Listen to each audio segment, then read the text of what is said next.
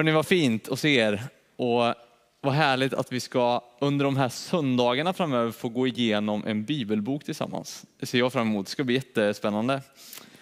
Eh, så idag blir det en, en form av introduktion för att det är inte förrän till nästa vecka som vi egentligen börjar läsa ordentligt. Det är då vi börjar i kapitel 1 till och med 7.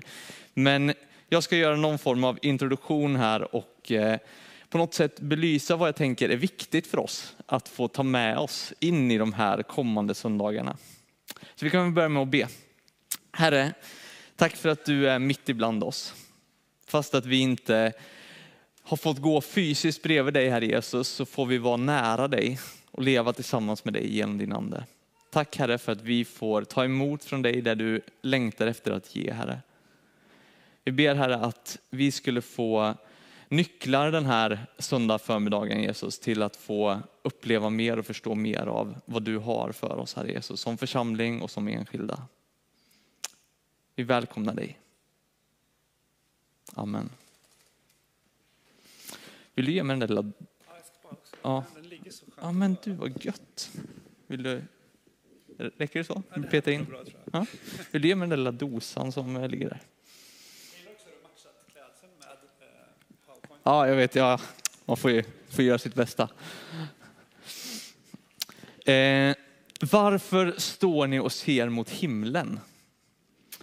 Det kanske, för er som har bra syn så ser ni att det är det som står här på vår liksom, första del under apostlagärningarna. Varför står ni och ser mot himlen? Det är två änglar som visar sig för alla de som har samlats runt Jesus den här dagen den dagen då han blir upptagen till himlen. Änglarna säger, varför står ni här och ser mot himlen? Jag tror att jag i alla fall hade gjort exakt samma sak. Jag hade stått där och bara tittat. Och säkert hade du också gjort det. Vilka hade tagit fram sina telefoner och filmat? Någon, här är några stycken, lagt på Instagram, försökt liksom skapa lite uppståndelse. Alltså det här var spektakulärt. Det här var någonting helt annat. Det var inte det vardagliga, det vanliga. Man fick se Jesus åka upp till himlen. Men det som är egentligen ännu mer spektakulärt och som har påverkat vår värld ända tills idag, det är ju att Jesus inte lämnade dem där. Han lämnade dem inte ensamma, utan han sa, jag kommer alltid vara med er. Och han sände sin ande till de som vill, till de som söker honom. Så han har lovat att fortsätta vara bland dem. Och vad ska då det här innebära? Och det är ju det vi ska få upptäcka genom läsningarna av apostlagärningarna. Vad kommer det här innebära? Att det här spektakulära som de såg egentligen inte var det som var det mest spektakulära. Utan det som det var var att Jesus kommer fortsätta verka mitt ibland dem och göra tecken under ännu större än vad de tidigare hade sett. Så fram nu då till sommaren, till den 18 tror jag var sista datumet som vi har eh, gudstjänst innan torpkonferensen, kommer vi liksom gå igenom apostlagärningarna och vi kommer få utforska mer om hur de här apostlarna, budbärarna lever ut Jesu gärningar där de går fram genom andens kraft. Det här är starka och spännande och utmanande berättelser om hur människor runt om i världen får ta del av Guds rike hur sjuka blir friska, hur människor blir upprättade, helade, hur förföljare blir efterföljare. Och jag tror att ängl, ängens fråga sätter fokus på något. Den här, varför står ni och ser upp mot himlen? Som jag tror vi ska ta med oss in i den här predikotemat. Det är nämligen att jag tror att vi ibland har lätt med att fastna med blicken Antingen i det där spektakulära, som bara så här, jag kan inte titta på någonting annat nu för det här är så, så häpnadsväckande. Eller bara i att vi väntar på att det är någonting som ska börja. Men det har redan börjat. Det har redan börjat. Vi är redan där och det fortsätter och det fortsätter och det fortsätter. Och det har gjort det sedan den här dagen. Så den här frågan som änglarna tar med sig tror jag vi ska också liksom plocka med oss in i det här. Så här. Står jag och ser mot himlen eller har jag börjat fästa blicken någon annanstans och se vad är det Gud faktiskt gör mitt ibland oss? De här olika berättelserna, händelserna vi kommer gå igenom, de hoppas ju vi ska få kunna inspirera oss och vara en hjälp till att fortsätta leva med uppdraget att nå ut med evangeliet till alla människor, överallt. Om Jesu efterföljare hade, hade liksom fastnat där med blicken så hade risken varit att de hade blivit paralyserade. Att de inte visste vad de skulle göra. Att de bara blev så här. Ah.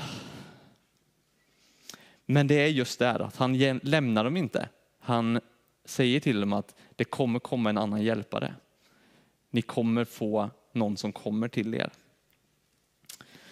Så apostlärningarna är berättelsen om Jesus och andens gärningar genom sin efterföljare. Det är det den här boken handlar om. Jesu och andens gärningar. Eh, jag kommer liksom dra lite stora drag, väldigt stora drag, för att vi kommer ju få djupdyka i de här sakerna framöver.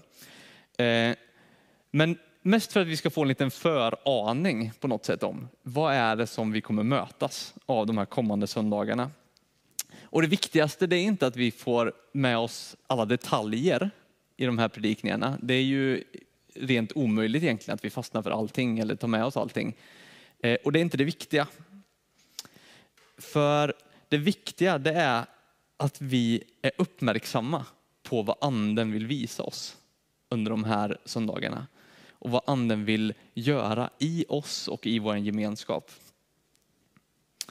Anden har en central roll i apostlagärningarna. Den har en central roll hela tiden, men när vi läser berättelsen om apostlagärningarna så har anden en oerhört central roll. Och min bön och min längtan är att vi skulle få liksom sugas in i det när vi lyssnar till de här berättelserna, när vi hör de här orden som förkunnas, att vi sugs in i andens verk. Det anden gör, det han gjorde då, men också det han gör nu och idag. Allt eftersom vi gräver djupare i Guds ord så finns det också möjlighet för andens verk att djupna i våra liv. Så var uppmärksam på vad anden gör när du finns i gudstjänsten, när du är i veckan, när du liksom låter dig sugas in i apostlagärningarnas berättelse. Vad är det du fastnar för? Och liksom dela med dig av det till dina vänner, till din bönegrupp, till församlingen. Vad är det du har fått syn på? Vad är det anden gör? Vad är det anden liksom på något sätt påvisar för dig? För vi tillsammans får också ta emot av varandra när det kommer till andens verk. Tar vi en liten kort grej här om författarskap, dyker vi in en liten gnutta. Eh, det här är ju alltså Lukas som har skrivit och Lukas evangeliet och apostlagärningarna, det hänger egentligen ihop. Eh, det är som ett tvådelat verk och en historieskildring, men den är inte neutral. Eh, det här är ju spännande för Lukas då, han skriver både apostlagärningarna och Lukas evangeliet. Och i Lukas evangeliet där går han igenom Jesu liv, undervisning och gärningar. Man får följa liksom berättelsen. Men del två, då, apostlagärningarna, det är verkligen fortsättningen på Jesu gärningar. Men nu är det primärt genom anden och hans efterföljare. Eh, det är en berättelse om kyrkans framväxt och Lukas liksom hänger ihop de här. Så är du extra bibelläsningssugen under de här söndagarna så kan det vara ett tips att också läsa Lukas evangeliet.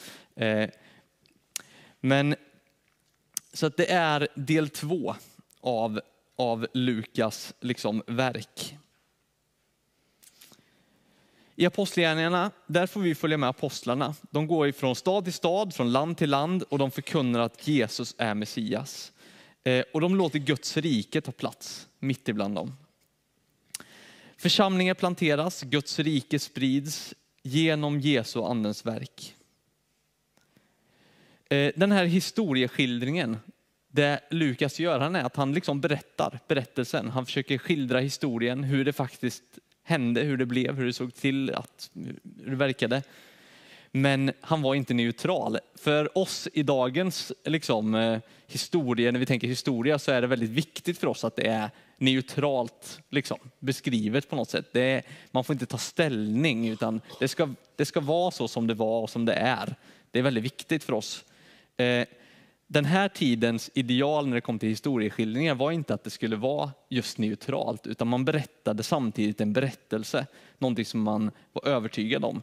Eh, så när Lukas gör den här historieskildringen, då säger han inte att ja, så hände de här sakerna och så är det punkt där. Utan han förkunnar samtidigt att Jesus är Herre, att historien har fått en helt ny vändning i och med Jesus Kristus. Eh, så Lukas är inte neutral, men han har skildrat historien och det finns historiska liksom, aspekter av berättelsen. Men det är inte det viktiga för Lukas. Det viktiga för Lukas är att förkunna Jesus. Strukturen som eh, vi kommer använda oss av när vi går igenom de här eh, predikningarna är följande. Att vi kommer börja med kapitel 1-7. Sen kommer det vara kapitel 8-12, kapitel 13-20 och kapitel 21-28. Det är ju ganska många kapitel på en predikan så att ni förstår ju att det kommer bli svårt för oss att liksom täcka upp allting som står och sägs.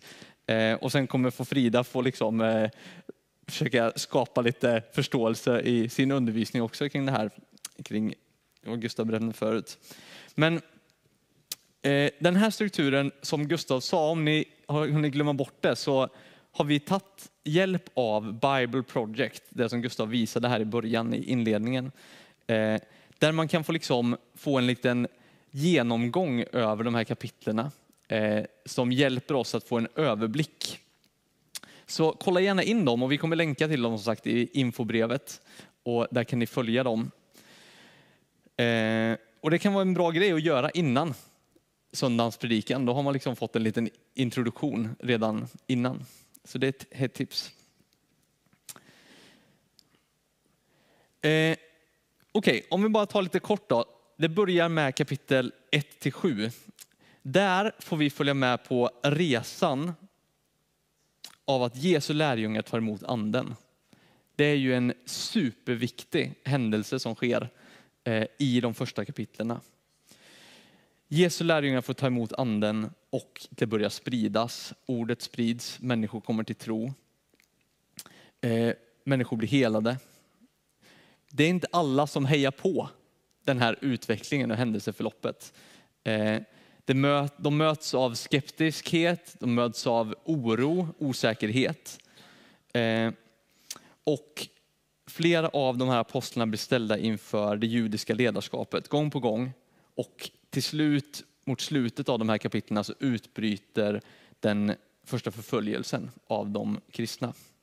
När man sedan går vidare då till kapitel 8 till 12, då märker vi hur den här från början lilla, lilla gruppen av Jesus-troende inom den judiska liksom, kontexten eh, möts och samlas. Här i de här kapitlen så märker vi hur det börjar expandera. Det bryts och det slits i gränserna. Och det blir inte bara en judisk rörelse, utan det skapas en typ av multietnisk eh, gemenskap där mängder av människor får plats för att man börjar tro på Jesus. Mängder av kulturer och bakgrunder möts och budskapet sprids. Här blir vi också introducerade till en nitisk judisk ledare som är strikt liksom ingång på att jag ska ta död på det här. Det här kan inte fortsätta. Saul, som vi möter här, står i spetsen för förföljelsen av de kristna. Men här får vi också bevittna det som är ofattbart många gånger. En radikal omvändelse, eh, en vändning som, som kommer liksom vända upp och ner på väldigt, väldigt mycket. Och ett viktigt tema som plockas upp i de här kapitlen, som vi kommer få upptäcka mer om, det är att Gud inte gör skillnad på människor. Gud sätter inte ett A och ett B-lag. Han gör inte att du får vara med men inte du, utan Gud skapar en stor familj. Alla får plats, alla får vara med.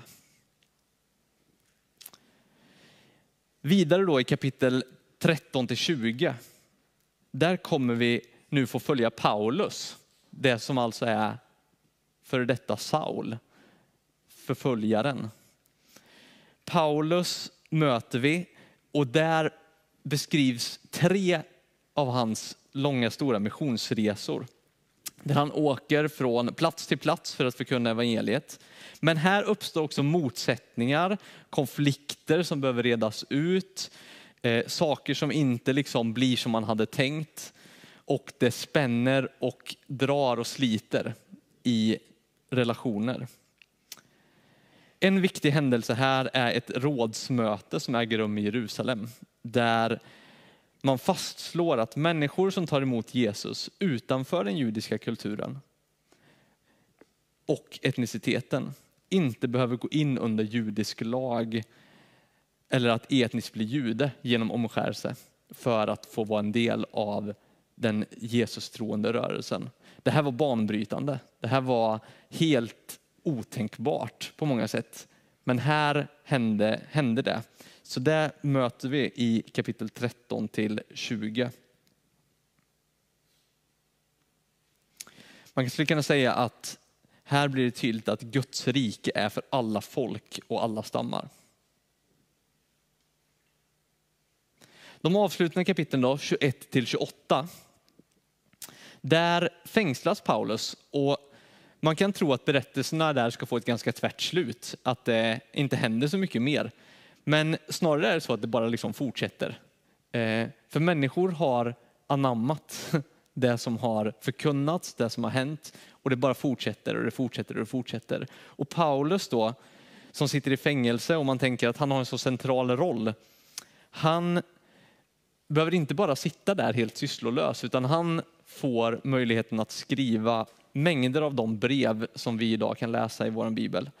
Han skriver till församlingarna, han hör av sig till dem han tänker på för att liksom fortsätta ingjuta mod och hopp om att fortsätt, sluta inte. Det finns mer. Så trots att man kan tro att det här skulle få ett abrupt avslut så är det egentligen bara fortsättningen. Och det här är alltså bara en kort beskrivning av vad som händer i apostlagärningarna i de här kapitlen. Och vi kommer få djupdyka mer i det under, under, eh, framåt här. Då. Eh, det är omöjligt att täcka upp allt, men förhoppningen är att vi tillsammans ska få upptäcka saker. Och det är det som jag vill på något sätt knyta tillbaks till utifrån vad jag sa i början. Att vi delar med oss med varandra av de sakerna som vi upptäcker när vi läser, när vi ber, när vi funderar över vad andens verk är i apostlärna och i vår tid. Så låt det här få vara en, en övning i att också dela med varandra vad du uppfattar av anden i ditt liv och vad du uppfattar av anden i läsningen av apostlagärningarna. Om vi bara ska ta sammanfattning på något sätt, några huvudstråk som vi kan ta med oss Eh, behöver inte läsa allting på en gång utan jag går igenom dem. Eh, Apostlagärningarna handlar inte om hur Gud, handlar om hur Guds rike kom till jorden så som det är i himmelen. Eh, det här är berättelsen om Guds rike. Det är Jesus och anden som gör det här verket, som för Guds rike till jorden, så som i himmelen. Apostlagärningarna visar hur trohet på kung Jesus kan se ut. Det är liksom en röd tråd på något sätt genom hela apostlagärningarna. Hur troheten på Jesus ser ut. Man bekänner Jesus som kung eh, och man på olika sätt visar hur det här tar sig uttryck. Och man vågar att stå upp för att man har en annan kung. Eh, I den här tiden, det kommer säkerligen Frida gå igenom mer, så var det inte helt oproblematiskt att bekänna en annan kung. Eh, vi lever inte med den bilden idag, men där och då var det väldigt problematiskt att bekänna någon annan än kung, särskilt i, i romarriket. Så här är apostlarna berättelsen om hur trohet på kung Jesus kan se ut. Jesus förkunnas, under och tecken sker, evangeliet sprids i både ord och handling. Det liksom expanderar på alla möjliga sätt. För Jesus förkunnas. Variationsrika gemenskaper av Jesus troende skapas. Alla får vara med. Det här är också någonting som är helt utanför boxen. Eh, alla får vara med. Variationsrikedom och det skapas så många problem utifrån det här. Det är så svårt att skapa variationsrika gemenskaper. Jag tror att vi också kan upptäcka det idag. Eh, men där och då skapade man extremt variationsrika gemenskaper. Och det gjorde att det blev mycket konflikter. Men det är också genom de här konflikterna, genom de här sakerna och berättelserna som vi har fått hjälp att försöka hitta vägar för hur vi kan leva med varandra som Jesus troende. Och sist, man litar på andens kraft och vägledning. Det här är ett jätteviktigt tema genom hela boken. Att man litar på andens kraft och vägledning. Eh, det står många tillfällen att efter att de hade varit hos de judiska ledarna samlades de med sina nära i bön. Det är liksom ett återkommande tema. De samlades för att söka honom. De samlades för att be och de upptäckte hur anden vägledde dem. På andens ingivelse begav de sig till och så vidare. Eh, andens kraft och vägledning är liksom en, ett stråk i apostlagärningarna som hela tiden återkommer. Så det är några huvudstråk som vi kan ta med oss eh, i vår läsning och i när vi liksom tar emot de här förkunnelserna som ligger framåt. Jag ska bara avsluta och så ska vi gå in till, till um, lite mer tillbedjan och förbön här. Men jag har en stor förväntan på det här gudstjänsttemat. Eh, och jag tror att Jesus längtar efter att tala till oss genom sitt ord. Eh, jag tror att han längtar efter att tala till oss dels genom förkunnelsen, men också genom den enskilda bibelläsningen, genom samtalet med varandra. Jesus längtar efter att tala till oss. Så oavsett om du är en van bibelläsare eller om du nyss har börjat, så finns det alltid mer att upptäcka. Och ett sånt här gudstjänsttema då när vi går igenom en hel bibelbok kan få vara en hjälp till att komma igång med bibelläsning och upptäcka glädje i det. Jag slås ofta när jag läser av att det är någon detalj i berättelsen som jag inte har lagt märke till förut. Eller som inte har varit liksom, ja, jag har inte alls gett någon större vikt till det där. Men ofta så blir det som att det finns någon detalj som jag inte har sett. Eh, ofta kan ju det här hänga ihop med vilken livssituation vi står i eller befinner oss i. För vi läser ordet utifrån våra liv. Vad vi står i, vad vi går igenom, vad vi uppfattar som viktigt just nu eller vad vi går igenom för prövningar.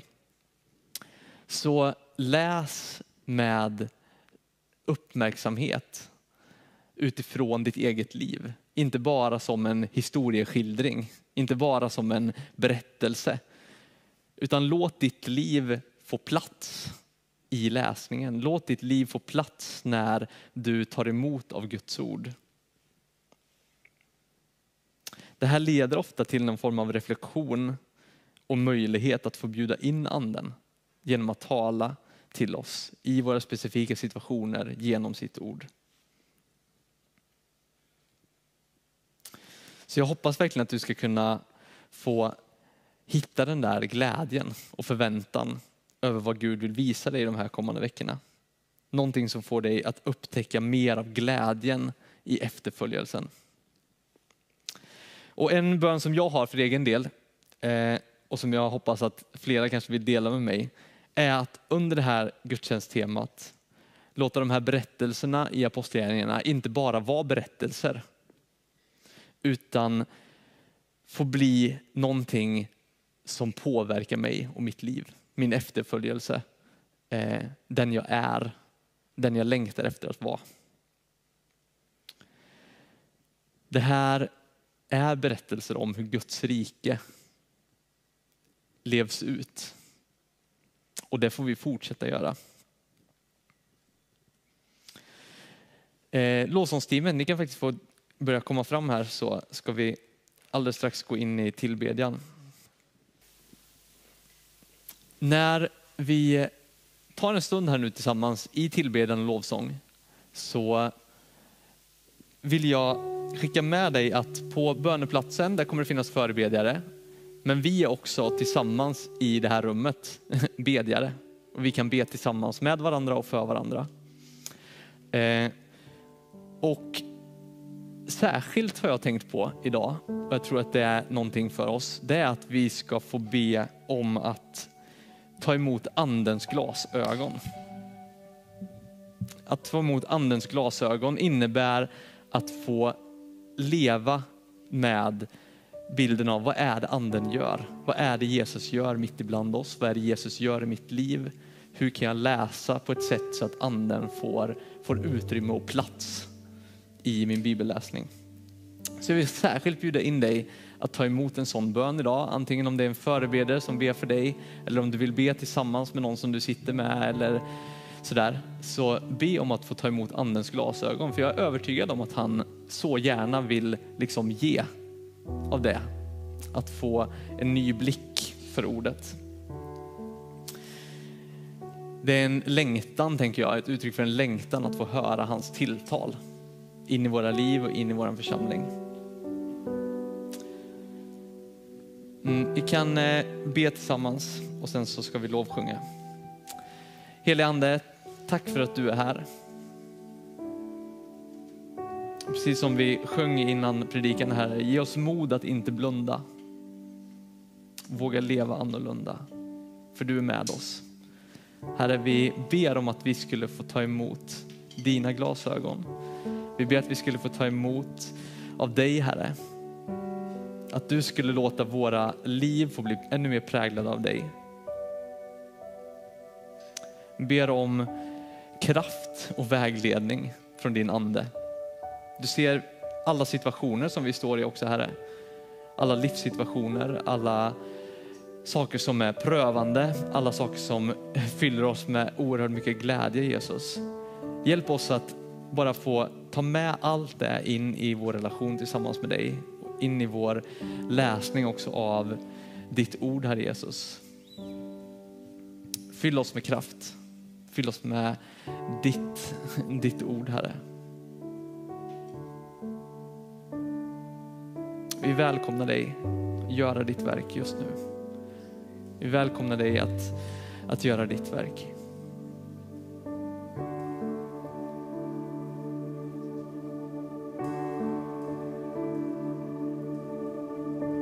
Vi ber att saker som kan ligga emellan och skava Jesus, eh, sår av olika slag, Herre Jesus, som gör det svårt för oss att, att ta till oss av av det du har att säga Herre.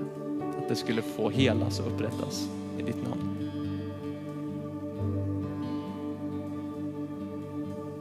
Tack för att du är så kärleksfull och så god.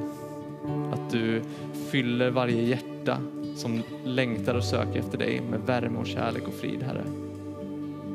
Tack för att du inte lägger några tunga ok, utan att du kommer med glädje och hopp.